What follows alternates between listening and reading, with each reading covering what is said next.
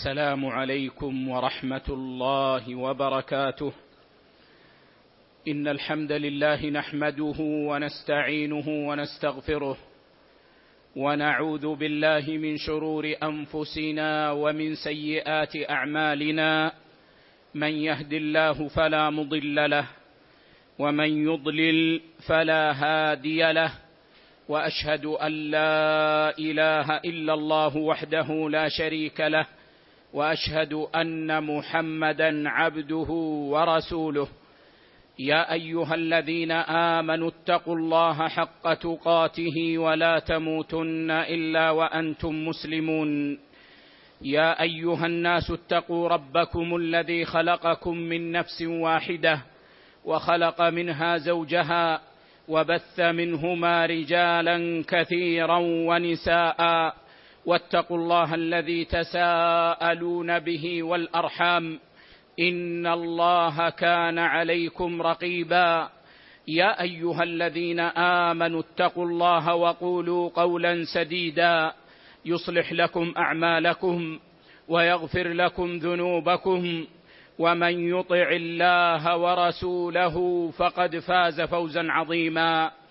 أما بعد فإن أحسن الحديث كتاب الله وخير الهدي هدي محمد صلى الله عليه وسلم وشر الأمور محدثاتها وكل محدثة بدعة وكل بدعة ضلالة وكل ضلالة في النار. ثم يا معاشر الفضلاء نجتمع في مسجد رسولنا صلى الله عليه وسلم نتعلم العلم ونبتغي الخير من ربنا سبحانه وتعالى. ودرسنا في مجلسنا هذا في عصر الأحد هو في القواعد الفقهية حيث نشرح كتابا صغيرا ماتعا نافعا ملئ علما وحكمة. هذا الكتاب هو كتاب القواعد والأصول الجامعة والفروق والتقاسيم البديعة النافعة للشيخ الفقيه الاصولي المفسر المتفنن عبد الرحمن بن ناصر بن سعدي السعدي رحمه الله عز وجل وسائر علماء المسلمين حيث لا زلنا نشرح في قسم القواعد. ونبدأ مجلسنا اليوم بالقاعدة الثانية والخمسين. فليتفضل قارئنا المبارك وفقه الله والسامعين. يقرأ لنا. الحمد لله رب العالمين والصلاة والسلام الأتمان الأكملان على المبعوث رحمة للعالمين. نبينا محمد وعلى آله وصحبه ومن تبعهم بإحسان إلى يوم الدين. اللهم اغفر لنا ولشيخنا ولجميع المسلمين. قال المصنف رحمه الله تعالى القاعدة الثانية والخمسون إذا قويت القرائن قدمت على الأصل. نعم. عندنا أيها الإخوة أصل وظاهر.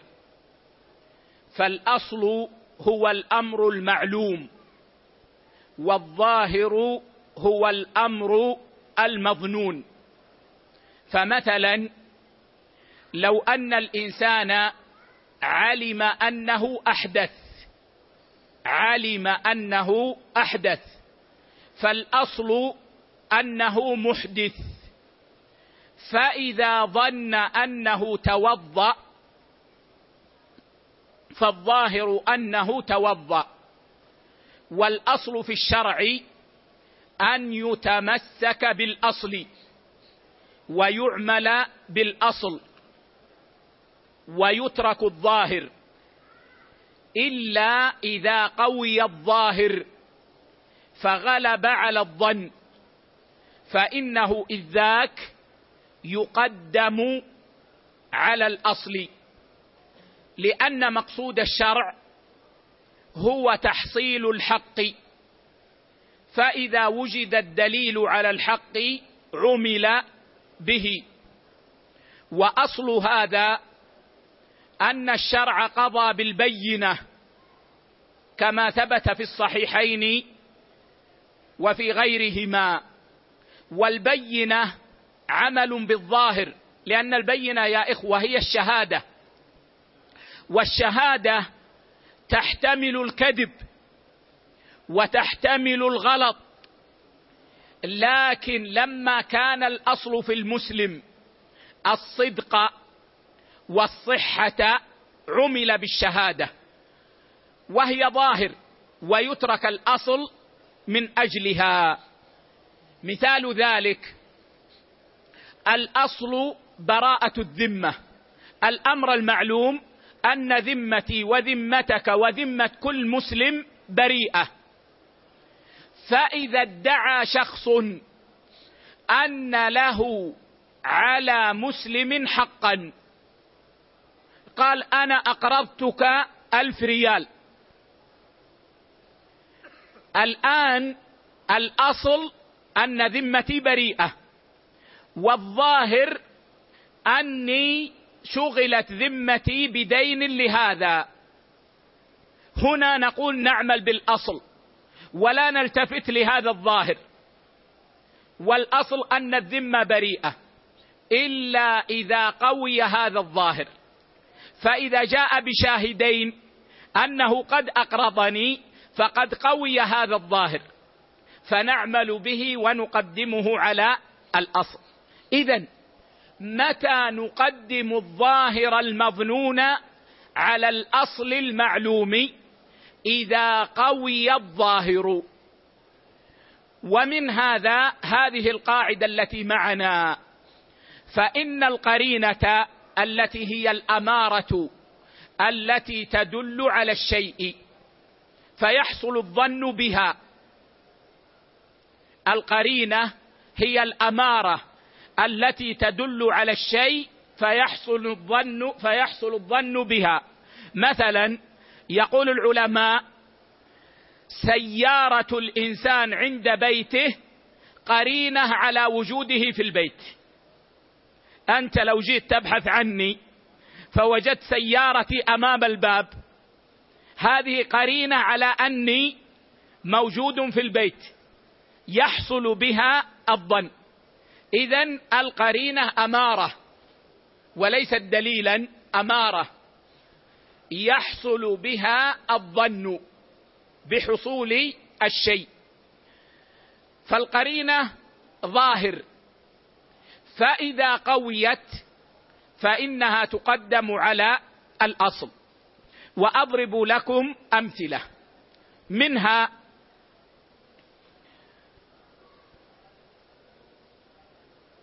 أن الأصل إذا أحدث الإنسان أنه محدث. فإذا ظن أنه متوضئ قلنا له اذهب وتوضأ. فإن الأصل أنك لست متوضئا. لكن إذا غلب على ظنه أنه قد توضأ. نقول خلاص الآن أنت متوضئ. لأن الظن قوي في نفسه. فنعمل بالظاهر. إذا توضأ الإنسان يا إخوة الظاهر أنه قد استوعب الأعضاء. هذا الظاهر. لماذا نقول الظاهر؟ لأنه يمكن أنه ترك شيئا في المرفق أو في آخر القدم لم ينتبه له. لكن الظاهر أنه قد استوعب الأعضاء. فنقول نعمل بالظاهر خلاص. ما دمت توضأت كالناس فاذهب ولا تقف تفتش. ويمكن ويمكن هنا وتعيد الوضوء يمكن. نقول لا. اعمل بالظاهر. واترك الأصل أنك مطالب بالاستيعاب. ما دام حصل الظن الغالب فالحمد لله. طيب الأصل عند العلماء أن المال لمن كان في يده المال. أن المال لمن كان في يده المال. أنا وأنت اختلفنا في هذا الكتاب. أن تقول كتابي وأنا أقول كتابي. الأصل أنه كتابي أنا. من وضع اليد على الشيء فالأصل أنه له. إلا إذا دل دليل على خلاف ذلك. طيب.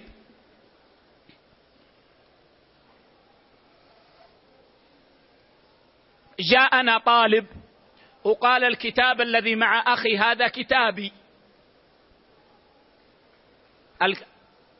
الكتاب الذي مع هذا كتابي. فوجدنا مع المدعى عليه كتابين. العادة الطالب معه كتاب واحد هذا معه كتابان. عندنا قرينة الآن أن هذا الكتاب للمدعي. قال المدعي كتابي في وسطه تغير في اللون. فتحنا الكتاب ووجدنا في وسط هذا الكتاب تغيرا في اللون. هنا يقول العلماء يعمل بالظاهر ويحكم للمدعي. لأن القرينة قوية. المثال الذي يذكره الفقهاء قديما يقول لو رأينا رجلا في السوق يصيح ويقول عمامتي عمامتي وهو مكشوف الرأس. والرجل الذي يتهمه يجري ومعه عمامة في يده وعمامة على رأسه. الآن يا إخوة العمامة في يده ولا ليست في يده؟ في يده. الأصل أن المال لمن كان المال في يده. لكن عندنا هنا قرائن. رجل مكشوف الرأس والعادة أن الرجل لا يسير مكشوف الرأس. هذا نتكلم عند عادة من يلبسون العمائم. ورجل يجري. هذه قرينة. وعلى رأسه عمامة وفي يده عمامة هذه قرينة. فتقوى. فيغلب على ظننا أن العمامة التي في يده للرجل المدعي. فنحكم بها للرجل المدعي. وهكذا. كلما قوي الظاهر حتى غلب على الظن حكمنا به وتركنا الأصل من أجله. هذا المقصود في القاعدة. اذا فهمتم من هذا يا إخوة أن الظاهر المجرد لا يعمل به وإنما يتمسك بالأصل المعلوم. لكن إذا قوي الظاهر حتى غلب على الظن فإنه يعمل بالظاهر ويقدم على الأصل. نعم. قال رحمه الله تعالى وهذا أصل نافع وهو أن القرائن قد تحتف بالأحكام قد تقوى. فتقدم على الأصل لأننا إنما قدمنا الأصل حيث لا مرجع سواه فإذا وجد ما هو أقوى منه وجب تقديم الأرجح ولهذا الأصل امثله أمثلة كثيرة. كما قلت لكم مقصود الشارع تحصيل الحق فإذا دل الدليل على الحق عمل به. نعم. قال رحمه الله تعالى منها تقديم غلبة الظن في المواضع التي يقدم فيها على الأصل مثل قولهم في الطهارة ويكفي الظن في الإسباغ. يكفي الظن في الإسباغ. يكفي الظن أنك قد استوعبت جميع أعضاء الوضوء. في الغسل الواجب يكفي الظن أنك غسلت جميع جسدك. ما يطلب منك أن تفتش بالصانط وكل شيء في جسدك. هل أصابه الماء أو لم يصبه الماء؟ يكفي غلبة الظن. نعم. قال رحمه الله تعالى ويكفي الظن في نقاء المحل من النجاسة. نعم. إذا أصاب المحل نجاسة فإنه يجب أن تزال. ويكفي الظن أنها قد زالت. يعني إذا تبول الإنسان فإنه يجب عليه أن يغسل ذكره. فيكفي أن يغسله أو أن يستجمر بما يغلب به الظن أنها قد زالت. وكذلك آه، في الموضع الآخر. وكذلك مثلا إذا أصابت النجاسة الثوب فإنه يكفي الظن أنها قد غسلت فزالت. يعني إذا غسلها بما يظن به أنها قد زالت فإنه يكفي. ولا يشترط اليقين. نعم. قال رحمه الله تعالى ومثل تقديم العادة في حق المستحاضة. نعم ما المستحاضة يا إخوة هي المرأة التي ينزل عليها الدم باستمرار أو يغلب على الشهر. فهذه مستحاضة. طيب ماذا تصنع المستحاضة؟ للفقهاء فيها تفصيلات لكن سواء قلنا بالتمييز أو قلنا بالعادة فإنا تركنا الأصل بالظاهر. كيف؟ العلماء يقولون الأصل في الدم الذي يخرج على المرأة أنه حيض. الأصل في الدم الذي ينزل من رحم المرأة أنه حيض. طيب المستحاضة إذا استمر معها الدم كل الشهر إذا قلنا بالتمييز وهذا هو الأصل أنها تأخذ بالتمييز إذا كانت مميزة تميز رائحة الدم أو لون الدم. فإن في هذه الحال تركنا الأصل وهو أن الدم كله حيض بالظاهر وهو التمييز.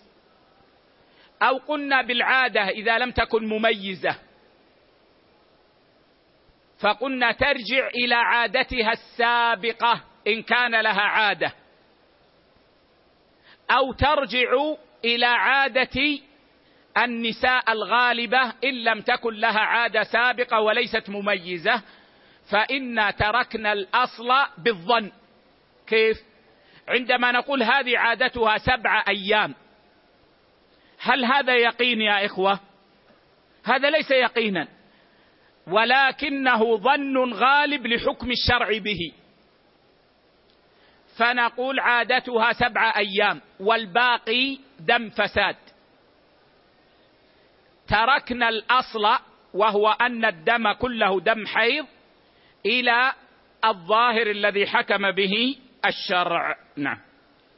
قال رحمه الله تعالى والبناء في الصلاة على غلبة الظن إذا قلنا به وهو الصحيح. يعني عند الشك كما تقدم معنا في الفقه أن الإنسان إذا شك في صلاته لا يخلو من حالين. الحالة الأولى أن يغلب على ظنه أحد الطرفين. شك هل هذه الركعة الثالثة أو الرابعة ولكن غلب على ظنه أنها الرابعة. فهنا نقول على الراجح يأخذ بغلبة الظن. يأخذ بغلبة الظن. ثم يسجد سجدتين بعد أن يسلم. والحالة الثانية أن يستوي عنده الأمران. أن يستوي عنده الأمران. ففي هذه الحال يأخذ بالأقل. طيب ما هو الأصل هنا؟ الأصل هو الأقل. أليس كذلك؟ الأصل الأقل. والزائد مشكوك فيه. لكن عند عملنا بغلبة الظن تركنا الأصل وهو الأقل إلى غلبة الظن وهو الظاهر. وقد دل على ذلك قول النبي صلى الله عليه وسلم إذا شك أحدكم في صلاته فليتحرى الصواب. فليتحرى الصواب. إذا شك أحدكم في صلاته فليتحرى الصواب. هذا هو العمل بغلبة الظن. فدل ذلك على ترك الظاهر من أجل على ترك الأصل من أجل الظاهر إذا غلب على الظن. نعم.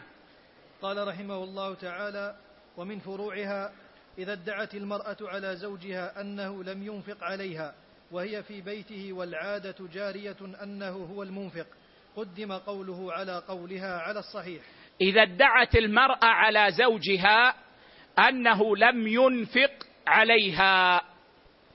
فالأصل عدم النفقة لأن الأصل في الأمور العارضة العدم. الأصل عدم النفقة. ففي هذه الحال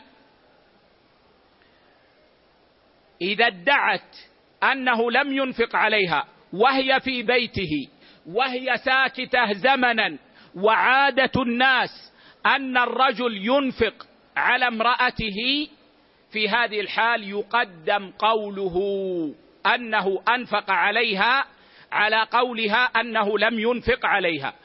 مع أنها متمسكة بالأصل وهو عدم النفقة. لكن القرائن تدل على أنه أنفق فيقدم قوله قوله على قولها. أما إذا لم توجد القرائن فإن في هذه الحال نقدم قولها مع يمينها. إذا متى نقدم قول المرأة أن الزوج لم ينفق عليها؟ إذا لم توجد قرائن تقوي قول الزوج ونطالبها باليمين. أما إذا وجدت قرائن تقوي قول الزوج فإنا نقدم قول الزوج ونطالبه باليمين. نعم. قال رحمه الله تعالى ومن ذلك تقديم من له قرينة قوية أن المال على صاحب اليد. وأشباه ذلك. هنا في خلل واضح في العبارة. قال ومن ذلك تقديم من له قرينة قوية أن المال له أن المال له على صاحب اليد يعني يقدم قوله على صاحب اليد. مثل ما قلت لكم رجل ممسك بالعمامة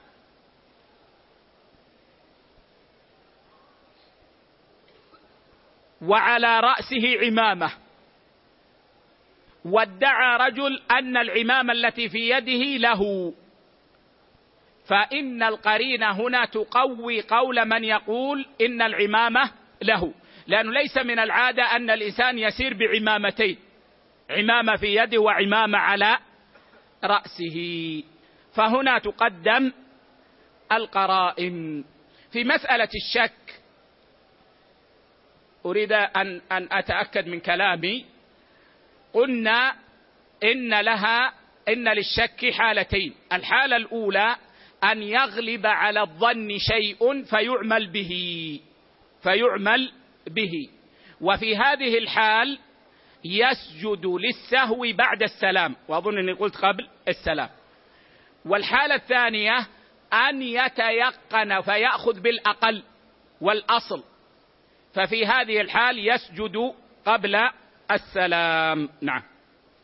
قال رحمه الله تعالى القاعدة الثالثة والخمسون إذا تبين فساد العقد بطل ما بني عليه وإن فسخ فسخا اختياريا لم تبطل العقود الطارئة قبل الفسخ. نعم.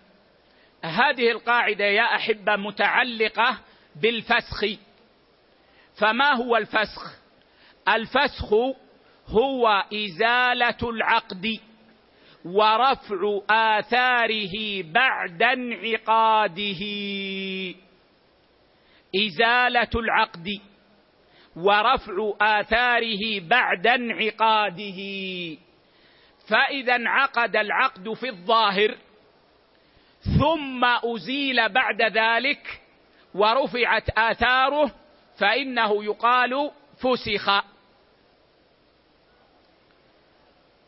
يعني رجل عقد على امرأة. عقد على امرأة.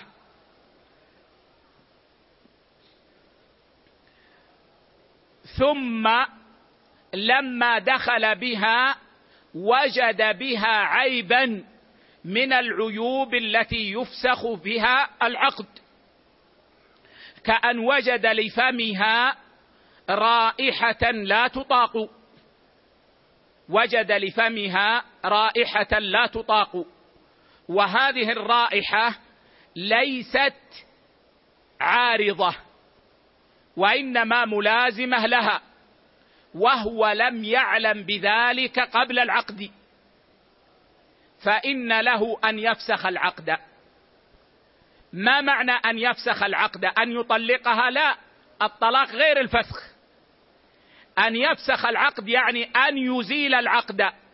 وإذا أزال العقد رفعت آثاره فيرد له المهر الذي دفعه لأن العقد قد أزيل. والفسخ نوعان.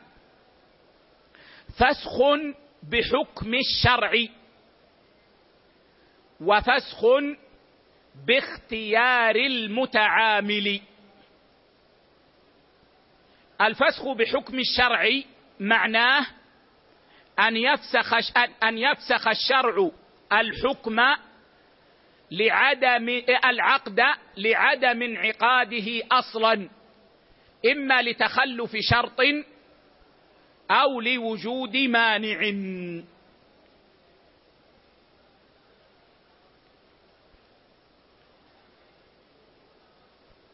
وأما الفسخ باختيار أحد المتعاملين معناه أن يختار من له حق الفسخ الفسخ.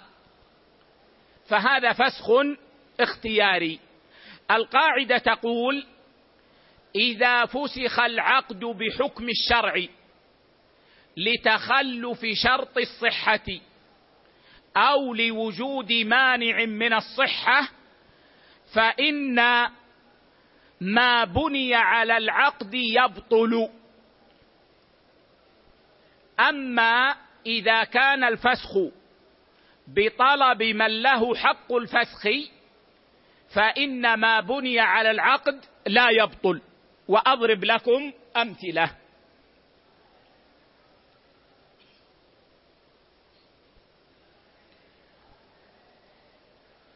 اشتريت سيارة من إنسان. ودفعت له الثمن وتم العقد في الظاهر. ثم بعت السيارة على فلان.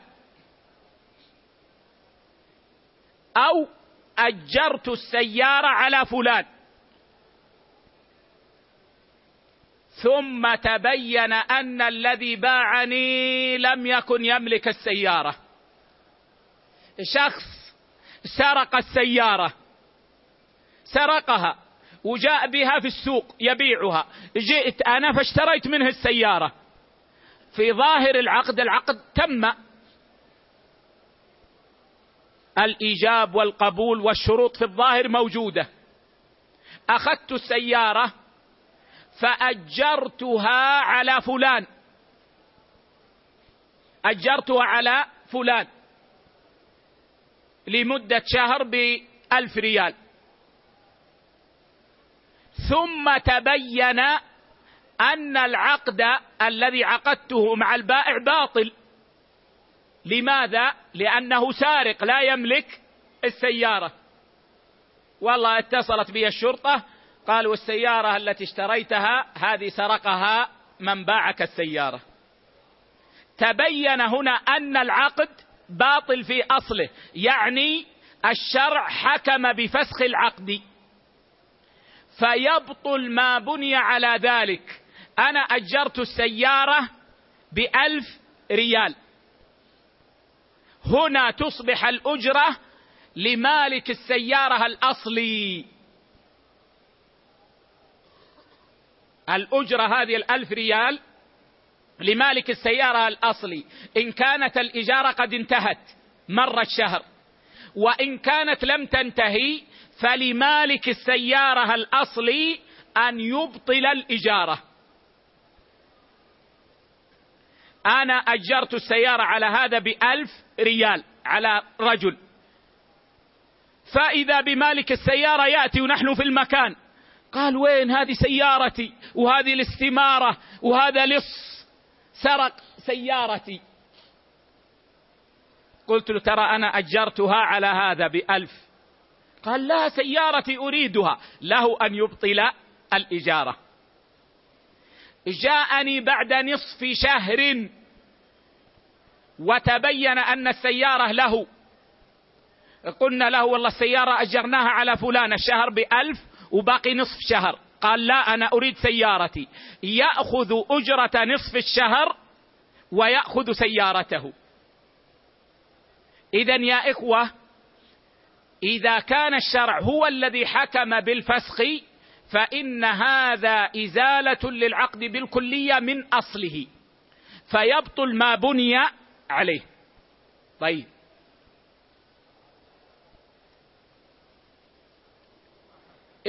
اشتريت سيارة من فلان. وتم العقد. وأجرتها على رجل إلى مكة بخمسمائة ريال. وذهب بها إلى مكة. ورجع. بعد ما رجع وجدنا بها عيبا. كان موجودا عند بائعها. فإن لي أن أطلب فسخ العقد. فإن لي أن أطلب فسخ العقد. في هذه الحال يكون الفسخ من عند الحكم به وليس من عند العقد. فما ترتب على العقد صحيح. فكوني أجرت السيارة وأخذت أجرة هذه لي وأرد السيارة بالعيب وآخذ الثمن آخذ الثمن.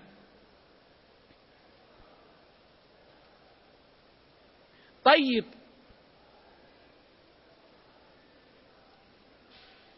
لو أني بعت السيارة بعت السيارة.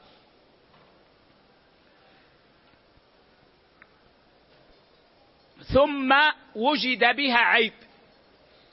فلي أن أردها على البائع الأول بالعيب. ويرجع المشتري الثاني بالقيمة. بالثمن. فإن كان الثمن قد تلف فإنه يرجع بمثله إن كان مثليا. وبقيمته إن كان متقوما. نعم. قال رحمه الله تعالى وهذا ضابط وفرق لطيف. فمن اشترى شيئا أو استأجره فمن اشترى شيئا. هذا واضح. أو استأجره. هذا واضح. نعم. أو اتهبه أو اتهبه. يعني أعطي له هبة هدية أو نحو ذلك. نعم. ثم تصرف فيه. ثم تصرف فيه. ببيع أو هبة أو إجارة. نعم. وبعد تصرفه بان العقد الأول باطلا. بان العقد الأول باطلا. أي أن الشرع هنا يحكم بالفسخ. متى يكون العقد باطلا؟ إذا تخلف شرط أو وجد مانع. نعم. كان تصرفه أيضا غير نافذ. لأنه تصرف في شيء لا يملكه شرعا. نعم. ولا يكون له شيء من هذا العوض وإنما يكون لي المالك الأصلي. نعم. قال رحمه الله تعالى وأما لو تصرف فيه ثم فسخ العقد الأول بخيار أو تقايل أو غيرها من الأسباب أما لو تصرف فيه ثم فسخ العقد الأول بخيار بشرط الخيار. وإن كان الراجح أن شرط الخيار يسقط عند التصرف. فإذا تصرف تصرف المالك فإن شرط الخيار يسقط. قال أشتري منك السيارة بعشر آلاف بشرط أن يكون الخيار لي خمسة أيام. له الخيار. له أن يرد السيارة في خلال هذه الأيام الخمسة. لكن لو تصرف تصرف المالك فأجر السيارة أو باع السيارة فإن الراجح أن الخيار يسقط لأن تصرفه يدل على اختياره يدل على اختياره. أو تقايل. تقايل يعني بطلب الإقالة. رجع إليه وقال يا أخي والله تبين لي أن هذا البيع ليس في صالحي. أقل أقلني. قال طيب خلاص هات السيارة وخذ فلوسك خذ الثمن. فإن الفسخ يكون عند الإقالة. أما ما بين العقد والإقالة فهو صحيح. فهو صحيح. نعم. قال رحمه الله تعالى فإن العقد الثاني صحيح لأنه تصرف فيما يملكه من غير مانع وقت تصرفه وحينئذ يرجع مع العاقد الأول إلى ضمان المثلي بمثله والمتقوم, والمتقوم بقيمته. هذا إذا تلف المتعاقد عليه. إذا تلف المتعاقد عليه. فإنه في هذه الحال يرجع بمثله إن كان مثليا وبقيمته إن كان متقوما. يعني لو أن انسانا اشترى من شخص كيس أرز كيس أرز ثم تبين أن البائع لا يملك الأرز. فإنه ها هنا يكون العقد باطلا ويكون الفسخ من وقت العقد. طيب أنا أكلت الأرز. اشتريت وأكلته. في هذه الحال يرجع علي المالك بمثله لأنه مثلي. فآتيه بكيس أرز مثله. ولو كان قيميا فإنه يرجع بقيمته. ثم أرجع أنا على من باعني بالثمن. أرجع على من باعني بالثمن. وكذلك إذا كان الفسخ اختياريا. يعني مثلا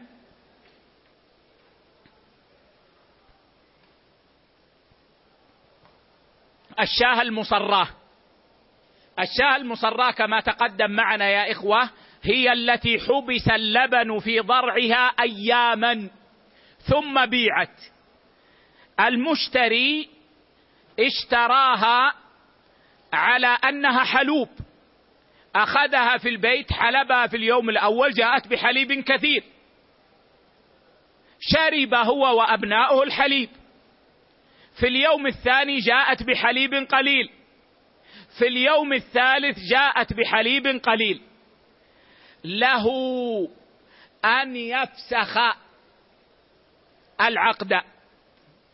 طيب إذا فسخ العقد ورد الشاة إلى صاحبها هل يرد شيئا مقابل اللبن الذي شربه في اليوم الثاني والثالث؟ الجواب لا. لماذا؟ لأنه بني على العقد فهو صحيح. تصرف صحيح لا يطالب بعوض. طيب لماذا يرد صاعا من تمر؟ مقابل الحليب الذي كان في ضرعها وهي عند صاحبها. ألم يشتريها وفي وفي ضرعها حليب كثير؟ هذا كان للمالك الأول. طيب عندما حلبه شربه أتلفه يرجع بماذا؟ يرجع بما يساويه في القيمة وهو صاع من تمر. وهو صاع من تمر فرجع بالمتقوم بما يساويه في القيمة بنص الشرع. نعم. قال رحمه الله تعالى ومثله إذا باعه شيئا ووثقه على الثمن برهن أو ضمين.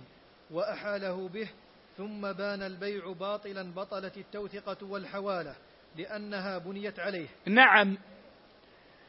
لو أنه اشترى سيارة على أن يدفع الثمن بعد ستة أشهر ودفع رهنا فتبين أن العقد باطل من أصله فإن الرهن يبطل مباشرة يرد إليه. أو أحاله على الثمن. قال بيعك السيارة بعشره آلاف. قال اشتريت. وأحيلك بالعشرة آلاف على زيد من الناس لأن لي عنده عشرين الفا. وذاك مليء. فإنه يحتل, يحتال عليه أو يحال عليه. طيب. إذا تبين أن العقد باطل بطلت الحوالة. بطلت الحوالة. هذا إذا تبين بطلان العقد. أما إذا فسخ بالاختيار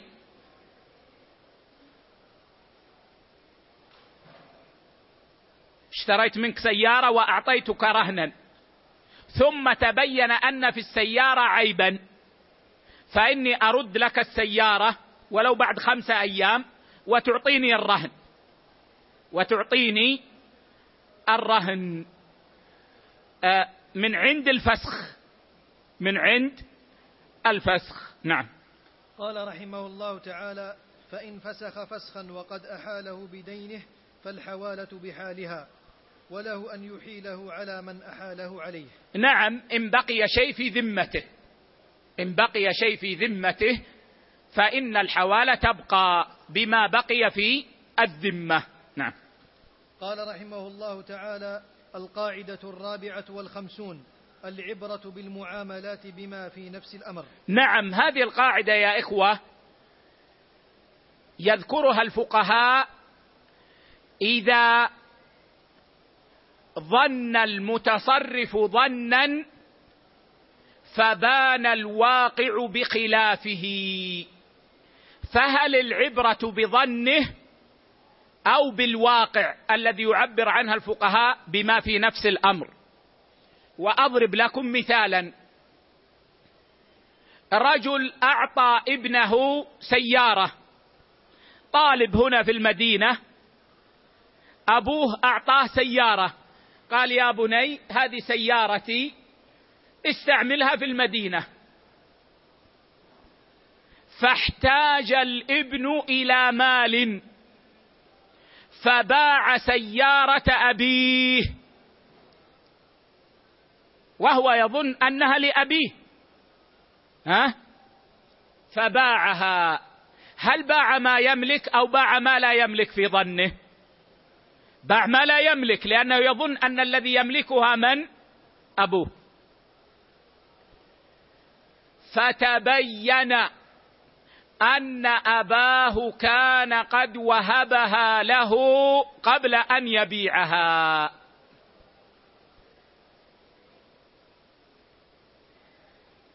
إذا ملكها قبل أن يبيعها لكن لم يعلم. فهل العبرة بظنه فنقول هذا العقد باطل لأنه باع ما لا يملك في ظنه؟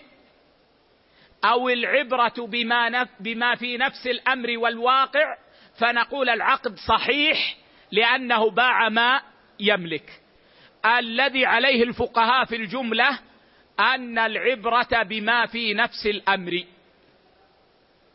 يقولون يأثم ولكن العقد صحيح. طيب نعكس الأمر. أب أعطى ابنه سيارة. أعطى ابنه سيارة. وقال له استعملها. أو قال خذ هذه السيارة استعملها. فظن الابن أن أباه أعطاه السيارة. فباع السيارة. على ظن أنه يملكها. فقال له أبوه أنا لم أعطك السيارة هذه سيارتي لكن أذنت لك في أن تستعملها. ففي هذه الحال يبطل العقد. لماذا؟ لأن العبرة بما في نفس الأمر. وقد يختلف الفقهاء في بعض المسائل. مثلا رجل رأى امرأة في الطريق فظنها أجنبية عنه ليست زوجته. فقال لها أنت طالق. قال لها أنت طالق. فبانت زوجته. امرأة تسير في الطريق فرآها رجل فظنها امرأة أجنبية. قال أنت طالق. التفتت إليه وكشفت حجابه قالت ماذا فعلت؟ وإذا بها امرأته.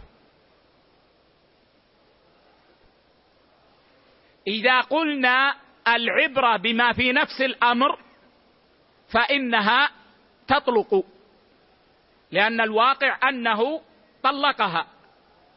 وإذا قلنا العبرة بظنه فإنها لا تطلق لأنه لم يطلق امرأته. فإن قال قائل طيب هو حتى لو ما طلق امرأته هو هزل بالطلاق. فنقول هزل بالطلاق على أجنبية وليس على امرأته. الجمهور على أن الطلاق واقع. يقولون صريح الطلاق صادف محلا فيقع. صريح الطلاق صادف محلا فيقع. والعبره بما في نفس الأمر. وذهب بعض الحنابلة واختاره شيخنا الشيخ ابن عثيمين رحمه الله إلى أن الطلاق لا يقع. يقولون لأنه لو علم أنها زوجته لما طلقها فهو لم يقصد الطلاق.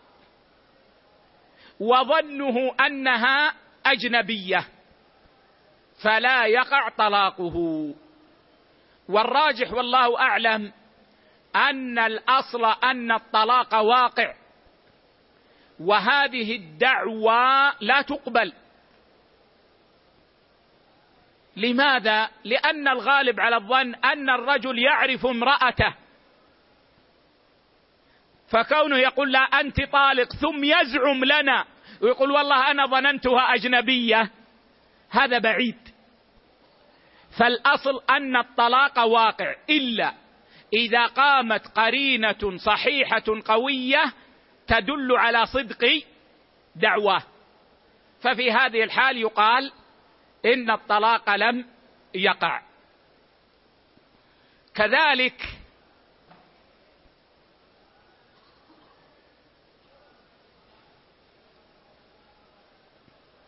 لو أن شخصا أبرأ شخصا من دينه. ظانا أنه لا شيء له عليه.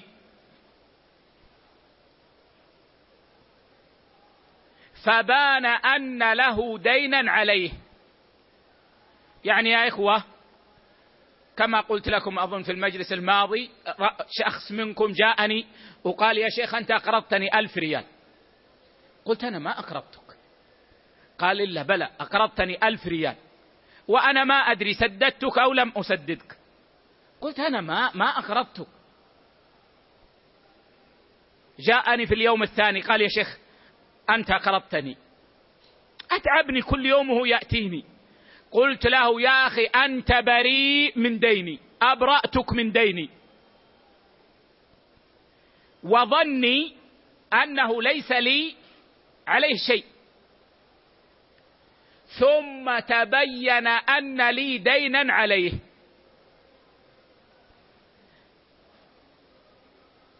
إذا قلنا إن العبرة بما نفس بما في نفس الأمر قلنا الإبراء صحيح خلاص. قد أبرأه. وإذا قلنا العبرة بظنه نقول الإبراء غير صحيح لأنه بني على خطأ. والجمهور على أن الإبراء صحيح. وهذا هو الأصل. إلا إذا دل دليل على أنه إنما أبرأه لأنه يظن أنه ليس عليه ليس له عليه دين. نعم.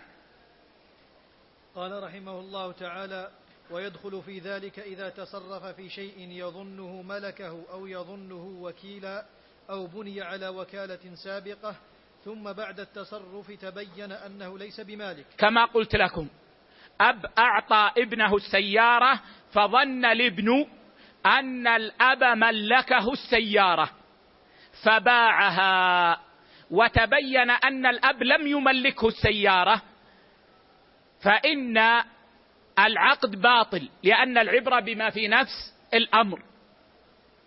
أو شخص وكل شخصا في بيع سيارته ثم فسخ الوكالة ولم يعلم الوكيل. فباعها الوكيل بعد الفسخ. طبعا الوكيل يظن أن له الحق في البيع لأنه موكل لكن هذه الوكالة فسخت. ففي نفس الأمر هو ليس وكيلا. يقول الفقهاء البيع هنا باطل لأنه لا يحق له البيع لأن الوكالة قد فسخت. نعم. قال رحمه الله تعالى ثم بعد التصرف تبين له تبين أنه ليس بمالك وليس بوكيل أو قد فسخت وكالته فالتصرف غير صحيح. نعم. وإن كان الأمر بالعكس بأن تصرف ظانا أنه ظانا أنه غير مالك ولا وكيل. ظانا أنه غير مالك كما قلنا. سيارة أبيه معه فباعها وهو يظن أنها لأبيه. فتبين أن أباه مات قبل البيع وأنه الوارث الوحيد. إذا السيارة تبين أنها انتقلت إليه بالميراث قبل أن يبيعها. فالعقد صحيح لأن العبرة بما في نفس الأمر. أو مثلا لو أن شخصا باع سيارة إنسان وهو لا يعلم أنه وكيل. باعها هكذا. ثم تبين أن مالك السيارة كان قد وكله قبل البيع في بيعها. فإن العقد صحيح. لأن العبرة لما في نفس الأمر. نعم. قال رحمه الله تعالى ثم تبين أنه مالك أو وكيل فالتصرف صحيح. لأن المعاملات المغلب فيها ما يظهر من التصرفات. نعم وقد يختلف العلماء في بعض المسائل كما سمعنا في مسألة طلاق الأجنبية. نعم. قال رحمه الله تعالى القاعدة الخامسة والخمسون لا عذر لمن أقر ولو ادعى غلطا. نعم. الإقرار يا إخوة هو اعتراف البالغ العاقل غير المحجور عليه على نفسه أو على من يلزمه قوله بذنب أو حق. اعتراف العاقل البالغ المختار يزيد هذه أيضا.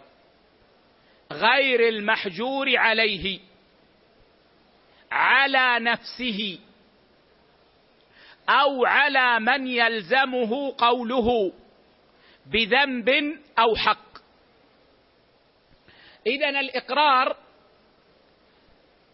اعتراف وإظهار لحق آخر. اعتراف العاقل وهذا يخرج المجنون. فإن إقرار المجنون باطل. ولذلك لما جاء ماعز إلى النبي صلى الله عليه وسلم وأقر بالزنا.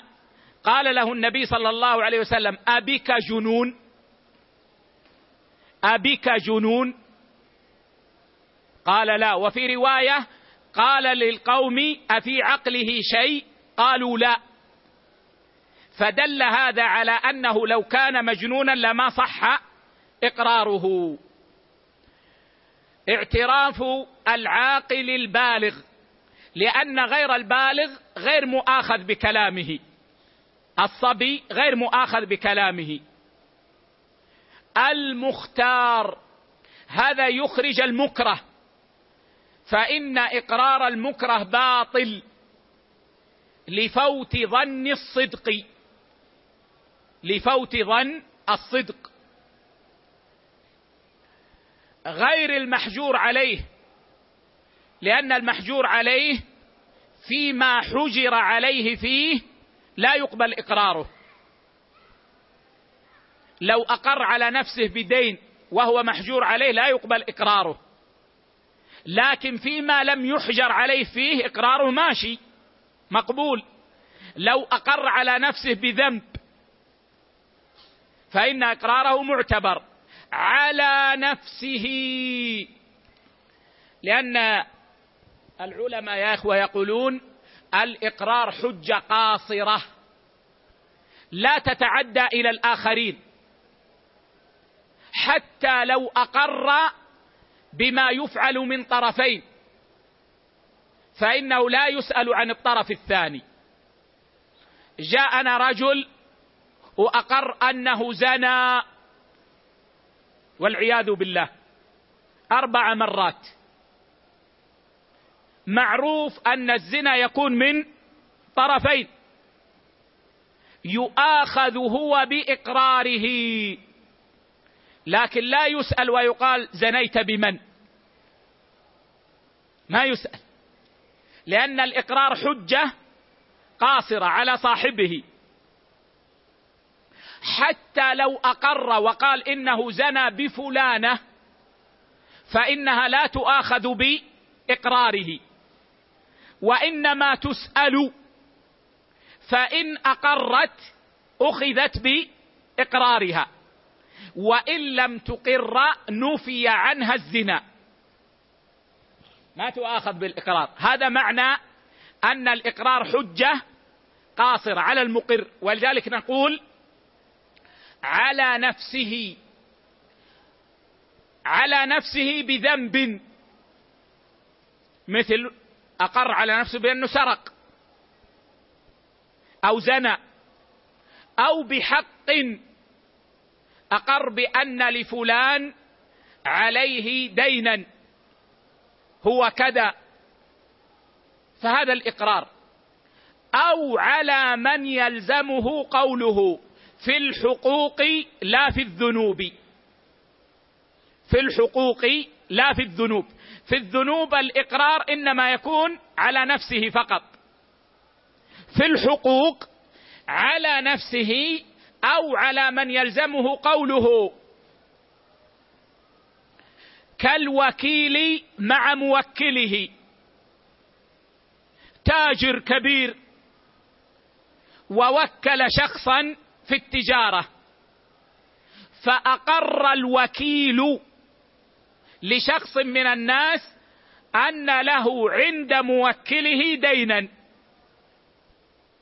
فإن هذا الإقرار معتبر لأن قول الوكيل يلزم الموكل في التجارة. أو الوصي على المولى عليه. ولي اليتيم. إذا أقر أن على اليتيم دينا فإنه يقبل إقراره ويلزم الدين اليتيم. لأن قول الولي يلزم اليتيم. أو الوارث أو الوارث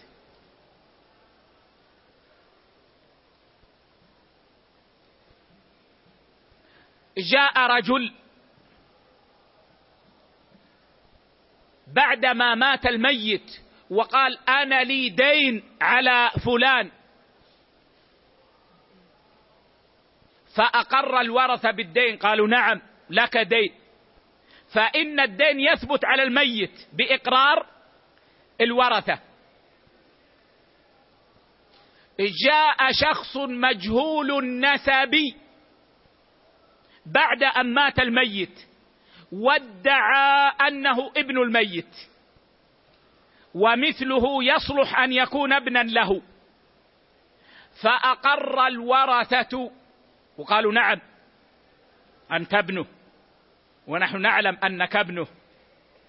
فإن النسب يثبت بإقرار الورثة. اذا يا إخوة الإقرار يكون على النفس فقط في الذنوب. ما يجي ولي اليتيم ويقر على اليتيم بأنه زنى هذا ما يؤخذ بإقرار الولي. وإنما في الذنوب بإقرار الإنسان نفسه. وفي الحقوق بإقرار الإنسان على نفسه أو على من يلزمه قوله. والإقرار أصدق البينات. أصدق البينات الإقرار. فهو أقوى البينات أقوى من الشهادة أقوى من الشهادة. لكن من أقر هل له أن يرجع في إقراره؟ هذه هي القاعدة. لا عذر لمن أقر. هل لمن أقر أن يرجع في إقراره فيدعي غلطا أو غير ذلك؟ هذه القاعدة تقرر هذا. لا عذر لمن أقر. وهذه القاعدة من أحاديث الفقهاء. ما هي أحاديث الفقهاء؟ الأحاديث التي يذكرها الفقهاء في كتبهم ولا توجد في كتب السنة. هذه تسمى أحاديث الفقهاء. هذه القاعدة يذكرها بعض الفقهاء حديثا.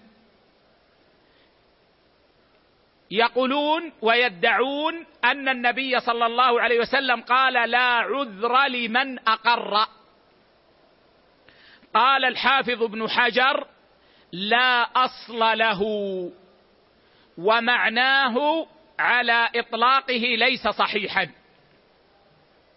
لا أصل له يعني أنه ليس حديثا. ومعناه على إطلاقه ليس صحيحا. لا عذر لمن أقر. من أقر هل له أن يرجع؟ قال العلماء من أقر لا يخلو من أمرين. الأمر الأول أن يقر بذنب. يترتب عليه حد. والأمر الثاني أن يقر بحق لمخلوق. فإن أقر بذنب ثم رجع.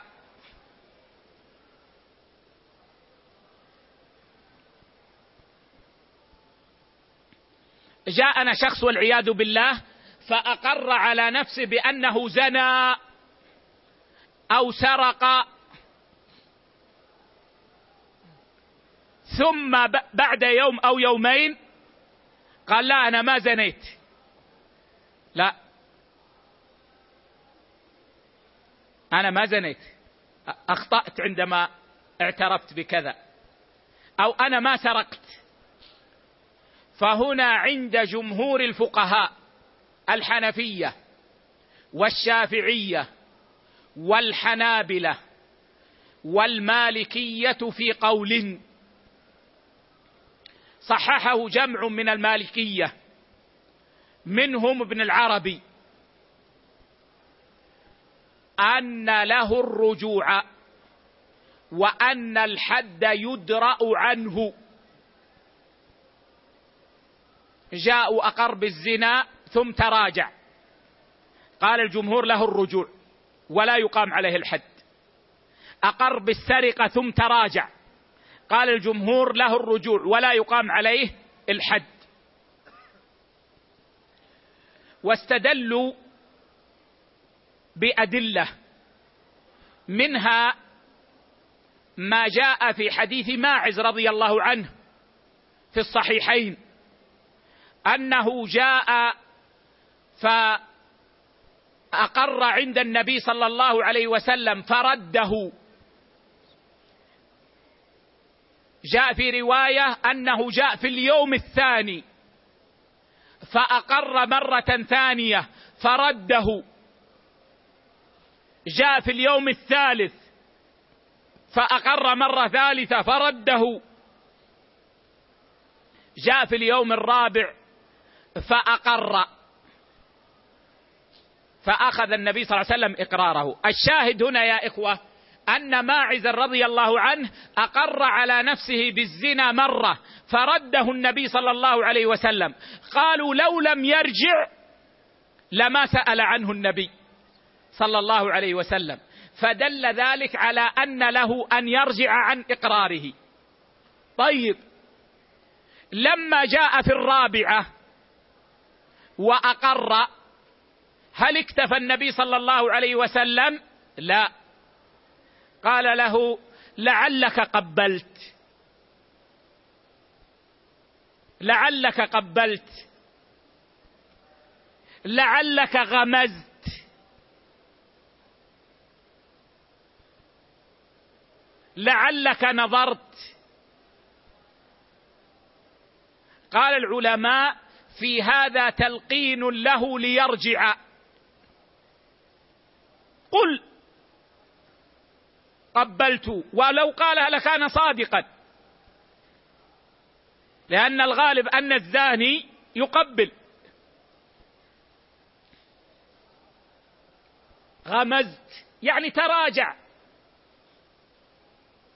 ولكن بصدق.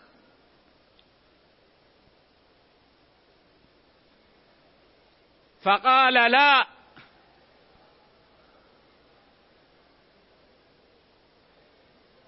حتى صرح النبي صلى الله عليه وسلم فقال أنكتها؟ قال نعم. فما بقي طريق.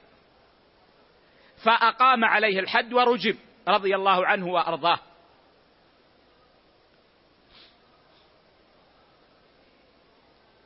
فدل ذلك على أن المقر له أن يرجع. الدليل الثاني استدلوا بما رواه أبو داود والنسائي وابن ماجه والإمام أحمد أن رجلا اعترف بالسرقة ولا متاع معه. اعترف أنه سرق ولا متاع معه. ما ما ما معه مال مسروق لكن اعترف أنه سرق. فأتي به إلى النبي صلى الله عليه وسلم فقال له النبي صلى الله عليه وسلم ما إخا ما ما إخالك سرقت. ما إخالك سرقت. يعني ما أظنك سرقت. قال بلى سرقت. جاء في رواية ابن ماجه قال له مرة ثانية ما إخالك سرقت. قال بلى سرقت. فأقام عليه الحد. قالوا في قول النبي صلى الله عليه وسلم ما إخالك سرقت تلقين له ليرجع عن الاعتراف عن الإقرار. فدل على أن المقر له أن يرجع والحديث قد اختلف في إسناده. فقال الشيخ شعيب الأرناؤوط صحيح لغيره. لأن له شواهد عند البيهقي. وقال الألباني ضعيف. وقد راجعت الشواهد التي ذكرها الشيخ الأرناؤوط رحم الله الجميع فوجدتها في غير هذه القصة في وجه آخر. فلا تصلح أن تكون شاهدا لهذا الحديث. ولذا فالحديث ضعيف. قال والدليل الثالث أن الحد أن الحدود تدرأ بالشبهات ورجوعه شبهة. قال والدليل الرابع أن حقوق الله مبنية على المسامحة فتسقط عند أدنى شيء. قالوا حقوق العباد مبنية على المشاحة. أما حقوق الله فالله هو العفو فحقوقه مبنية على المسامحة فتسقط عند أدنى شيء. وذهب الإمام مالك في قول أن المقر في ذنب يترتب عليه حد لا يقبل رجوعه في إقراره إلا إذا فسر كلامه بوجه صحيح.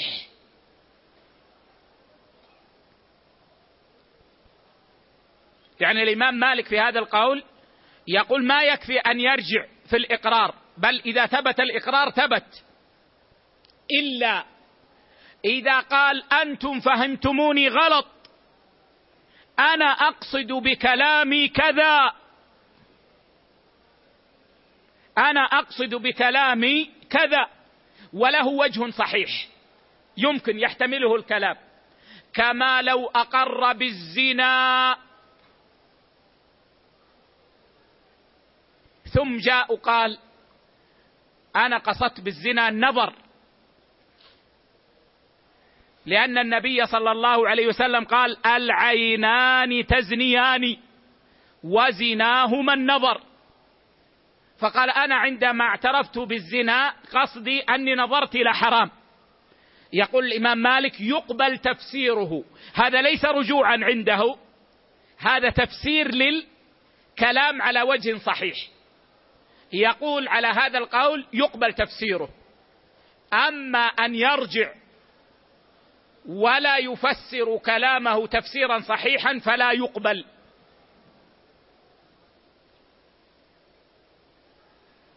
والأول أعني قول الجمهور أقعد وأوفق لقواعد الشريعة.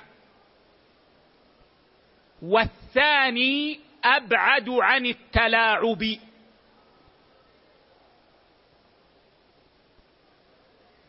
ولذلك لو أن القاضي أعمل القول الثاني إذا ظهر له تلاعب من المقر عند رجوعه فهذا قول قوي. أما الأصل فالأصل أن له أن يرجع عن إقراره. وأما في الحقوق إذا رجع المقر عن إقراره بحق لمخلوق فإن العلماء متفقون على أنه ليس له أن يرجع. ولو ادعى غلطا. لكن اختلفوا. إذا أقام البينة على غلطه هل يبطل إقراره أو لا يبطل؟ يعني شخص قال لفلان علي عشرة آلاف ريال. إن لفلانا علي عشرة آلاف ريال. جيد؟ ثم بعد يومين قال لا أنا غلطت. أنا أخطأت. ما له علي شيء. لا يقبل رجوعه. وتثبت عليه العشرة آلاف. واضح؟ باتفاق العلماء. طيب. جاء قال أنا غلطت غلطت على نفسي أخطأت على نفسي. ليس له علي عشر آلاف بل علي خمس آلاف. ما نقبل إقراره ما نقبل رجوعه. لكن قال وهذه البينة هذا صك موقع بالدين وعليه شاهدان أنه خمس آلاف. اختلف العلماء هنا فبعض العلماء قالوا تثبت عليه العشرة. لماذا؟ قالوا لأمرين. الأمر الأول أن الإقرار أقوى من الشهادة. أن الإقرار أقوى من الشهادة. والأمر الثاني أن في الإقرار زيادة. لا تنافيها الشهادة. فيؤاخذ بالعشر آلاف. وقال بعض أهل العلم بل تستمع يستمع إلى البينة. فإن تبين أنها في نفس الدين سقط إقراره بما زاد عما ثبت بالبينة. وهذا أقرب والله أعلم. أنه إذا أقام البينه على غلطه فإن البينه معتبره شرعا فيكون مدعيا. فإذا أثبت دعواه وأنها في نفس الدين فإن دعواه تقبل ويقبل رجوعه في هذا الأمر. هذه خلاصة المسألة المفرقة في كتب أهل العلم التي جمعها الشيخ في هذه القاعدة. لا عذر لمن أقر ولو ادعى غلطا. ولعلنا نؤخر قراءتها إلى الدرس القادم إن شاء الله عز وجل. وأنبه الإخوة أن غدا يوم الاثنين ليس عندنا درس وإنما الدرس إن شاء الله يوم الثلاثاء في شرح صحيح الترغيب والترهيب. ولعلنا نجيب عن بعض أسئلة إخواننا والله أعلم. نعم. أحسن الله إليكم شيخنا وبارك فيكم. هذا سائل يقول معتمرة أحرمت من الميقات ولم تنوي العمرة حتى وصلت إلى مكة. ماذا عليها؟ اذا ما معنى أحرمت من الميقات؟ يا إخوة الأصل في مثل هذا وجود النية. فما لم نتيقن أنها لم تنوي فالأصل أنها نوت ولا شيء عليها. لكن نقول لها إذا تيقنت أنك لم تنوي الدخول في الإحرام إلا بعد مغادرة الميقات بالكلية فعليك دم. ولكني أقرر ما قررته اولا أن الأصل في مثل هذا وجود النية. فإذا قالت أظن يمكن ما نرتب عليها شيئا. لكن إذا قالت لا أنا متأكدة أنا ما نويت الدخول في النسك إلا عندما اقتربنا من مكة. قلنا وجب عليك دم. نعم. أحسن الله إليكم. هذا سائل يقول رجل مريض بمرض مزمن وهو يأخذ بخاخا في الأنف ويجد طعمه في فمه. هل هذا يفطر به في نهار رمضان؟ علما بأنه يأخذ الجرعة في النهار. إذا كان يضعه في أنفه ويجد طعمه في حلقه فإن الأنف منفذ. ولذلك قال النبي صلى الله عليه وسلم وبالغ في الاستنشاق إلا أن تكون صائما. وهذه البخاخات آه إذا كانت دواء للأنف دواء سائلا يكون بالبخ فهذا يفطره. أما إذا كان البخاخ لتوسيع الشعب فهذا كثير من مشايخنا يرون أنه لا يفطر. والذي أفتي به والله أعلم أن البخاخ إذا كان مجرد موسع للشعب كالهواء فإنه لا يفطر.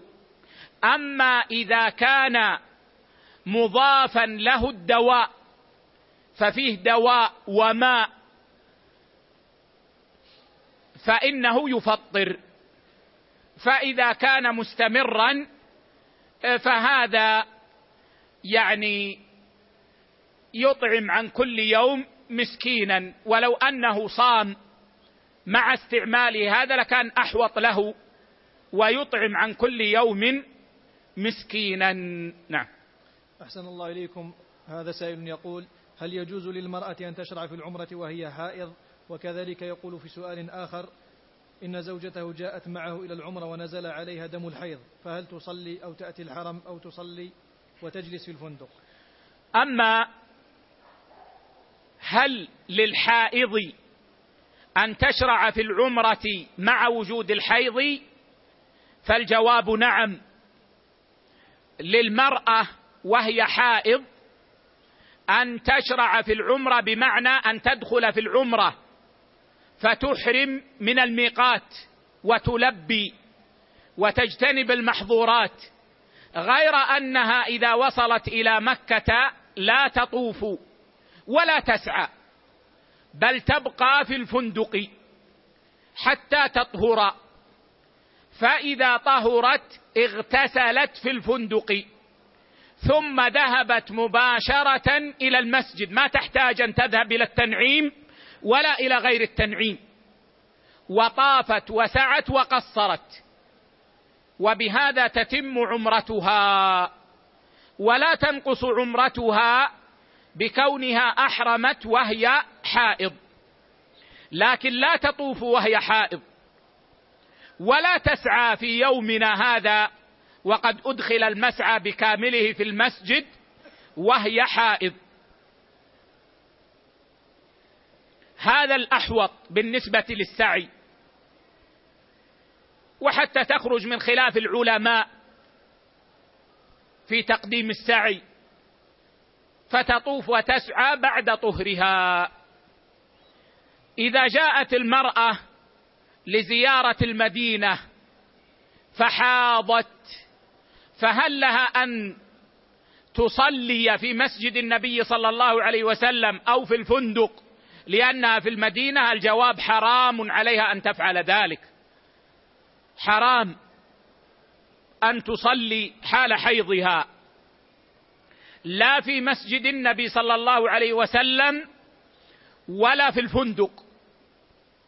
وهل لها أن تدخل المسجد حال حيضها الراجح أنه لا يجوز لها ذلك.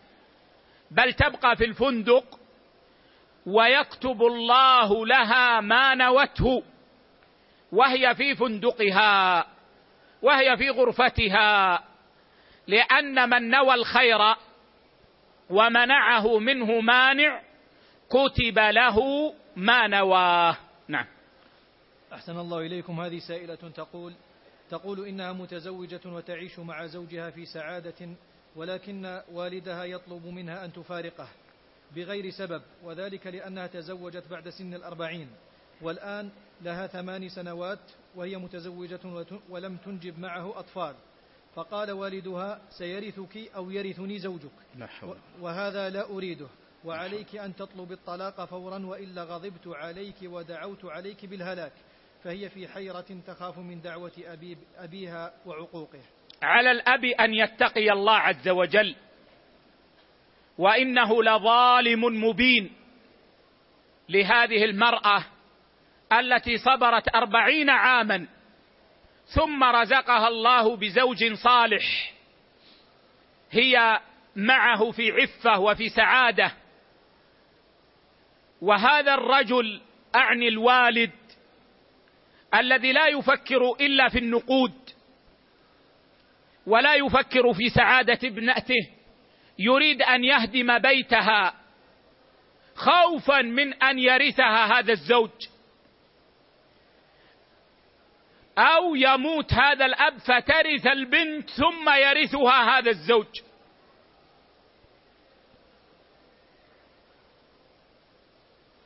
وهذا ظلم للبنت. والأرزاق قد قسمها الله والناس في بطون أمهاتهم. لن ينقص درهم ولا فلس واحد من رزق واحد منا ابدا. لن يموت إلا وقد استوفى رزقه. ولن يستطيع أحد من الجن أو الإنس أن يمنعه من درهم واحد من رزقه. فيا أيها الأب المسكين إن كان الله قد كتب له رزقا أعني الزوج فإنه سيستوفيه شئت أم أبيت. وإن لم يكن الله قد كتب له رزقا فلن يكون. فتوكل على الله واستعذ بالله. ولا تشق ابنتك بطلبك منها. وأما كونها تخاف من غضبه ومن دعائه فأقول لها لا تخافي ابدا. ووالله لا يضرك ولن ينصر الله ظالما على مظلوم. وإنما المنصور هو المظلوم.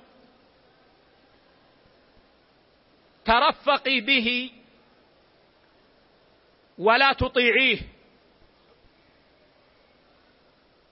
وقد جاء رجل إلى الإمام أحمد فقال إن امرأتي صالحة وإن أبي يأمرني بطلاقها.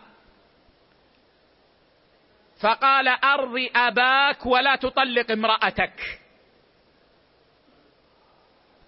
قال فإن عمر قد أمر ابن عمر بطلاق امرأته. قال حتى يكون أبوك مثل عمر. عمر إنما أمره ديانة. فيا أختاه لا تطيعي زوجك ولا تطيعي أباك ويحرم عليك أن تطيعيه. ولا تنغصي على زوجك. وعيشي مع زوجك في سعادتكما. وحاولي أن ترضي أباك ولن يضرك هذا الظالم ولو دعا عليك. أسأل الله أن يهدي الأب وأن يقر حياة البنت. نعم. أحسن الله إليكم. هذا أحد الإخوة يسألكم الدعاء لأمه المريضة بمرض السرطان ويقول دعوتها لأداء العمرة في رمضان لكنها قالت إنها لا تستطيع بسبب صحتها ويقول أريد أداء العمرة عليها مع العلم أن مع العلم أني اعتمرت في السنة الماضية عن نفسي والحمد لله فهل يجوز لي ذلك أم لا بد أن تكون مقعدة طريحة الفراش ولا يرجى شفاؤها لكي تكون العمرة صح عنها صحيحة؟ أسأل الله بأسمائه الحسنى وصفاته العلى أن يشفيها شفاء عاجلا لا يبقي سقما ولا ألما اللهم اشفها شفاء من عندك لا يغادر سقما. اللهم واشف كل مريض. اللهم يا ربنا من علمته منا مريضا أو علمت أن له مريضا اللهم فاشفه شفاء من عندك شفاء لا يغادر سقما. اللهم اشف مرضانا ومرضى المسلمين. وأما سؤال الأخ عن العمرة فهذا يرجع إلى حالتها. فإن كانت حالتها مستعصية الشفاء بحسب كلام الأطباء وتضعفها لأنها تتناول من الأدوية أو نحو ذلك ما يضعفها ويشق عليها مشقة شديدة أن تسافر فلك أن تعتمر عنها. أما إذا قال الأطباء إنها تشفى إن شاء الله أو قالوا إنها تقوى إن شاء الله ولكن الآن مثلا هي متأثرة بالكيماوي ونحو ذلك. لكن نرجو بعد سنة سنتين ثلاث سنين أن تقوى وتنشط فلا يجوز لك أن تعتمر عنها ولكن ادعو لها وأكثر من الدعاء لها. نعم. أحسن الله إليكم. هذا سائل يقول شخص سأل أحد الإخوة عما يفعل المرء مع زوجته في رمضان. فأجابه ففهم من الجواب أن الجماع جائز في نهار رمضان فجامع زوجته أكثر من مرة. فلما علم بالنهي ذهب للأخ فقال له لم أقل لك إنه جائز فماذا يفعل؟ هذا لا يخلو من أحوال. الحالة الأولى أن يعلم أن الجماع في نهار رمضان حرام. لكنه تساهل لما فهم الحل. فهذا لا ينفعه فهمه شيئا وعليه القضاء والكفارة. والحالة الثانية أن لا يكون قد علم بحرمة الجماع في نهار رمضان بل هو جاهل وسأل رجلا من الشارع لا يعرف له علما. لكن سأله. وكما أقول مرارا بعض الناس يسأل اللحية. إذا رأى شخصا له لحية قال يا شيخ. ويسأله. واللحية ليست علما. اللحية دليل صلاح. لكنها ليست دليل علم. فإذا كان لا يعلم حكم الجماع وسأل شخصا لا يجوز سؤاله فإنه في هذه الحال يجب عليه القضاء والكفارة لأنه وإن كان جاهلا إلا أنه ظهر من حاله أنه حصل عنده شك. فسأل لكنه فرط حيث سأل من لا يسأل. والحالة الثالثة أن يكون جاهلا وسأل عالما أو طالب علم. ولكنه أخطأ فهم الكلام. فهذا في جماع رمضان وليس في جماع الحج معذور بجهله وليس عليه الكفارة. وبعض العلماء يقولون ولا قضاء لكني أفتي بأن عليه القضاء ولا كفارة. ما دام أنه جاهل وسأل من يسأل لكن أخطأ في الفهم.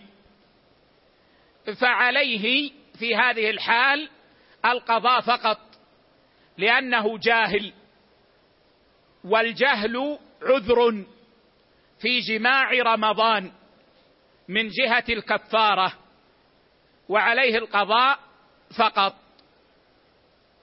ومثله إذا كان جاهلا ولم يسأل لأنه لم يدري أنه ينبغي أن يسأل. فإنه لا كفارة عليه وإنما عليه القضاء ولعل في هذا كفاية والله أعلم. وصلى الله على نبينا وسلم.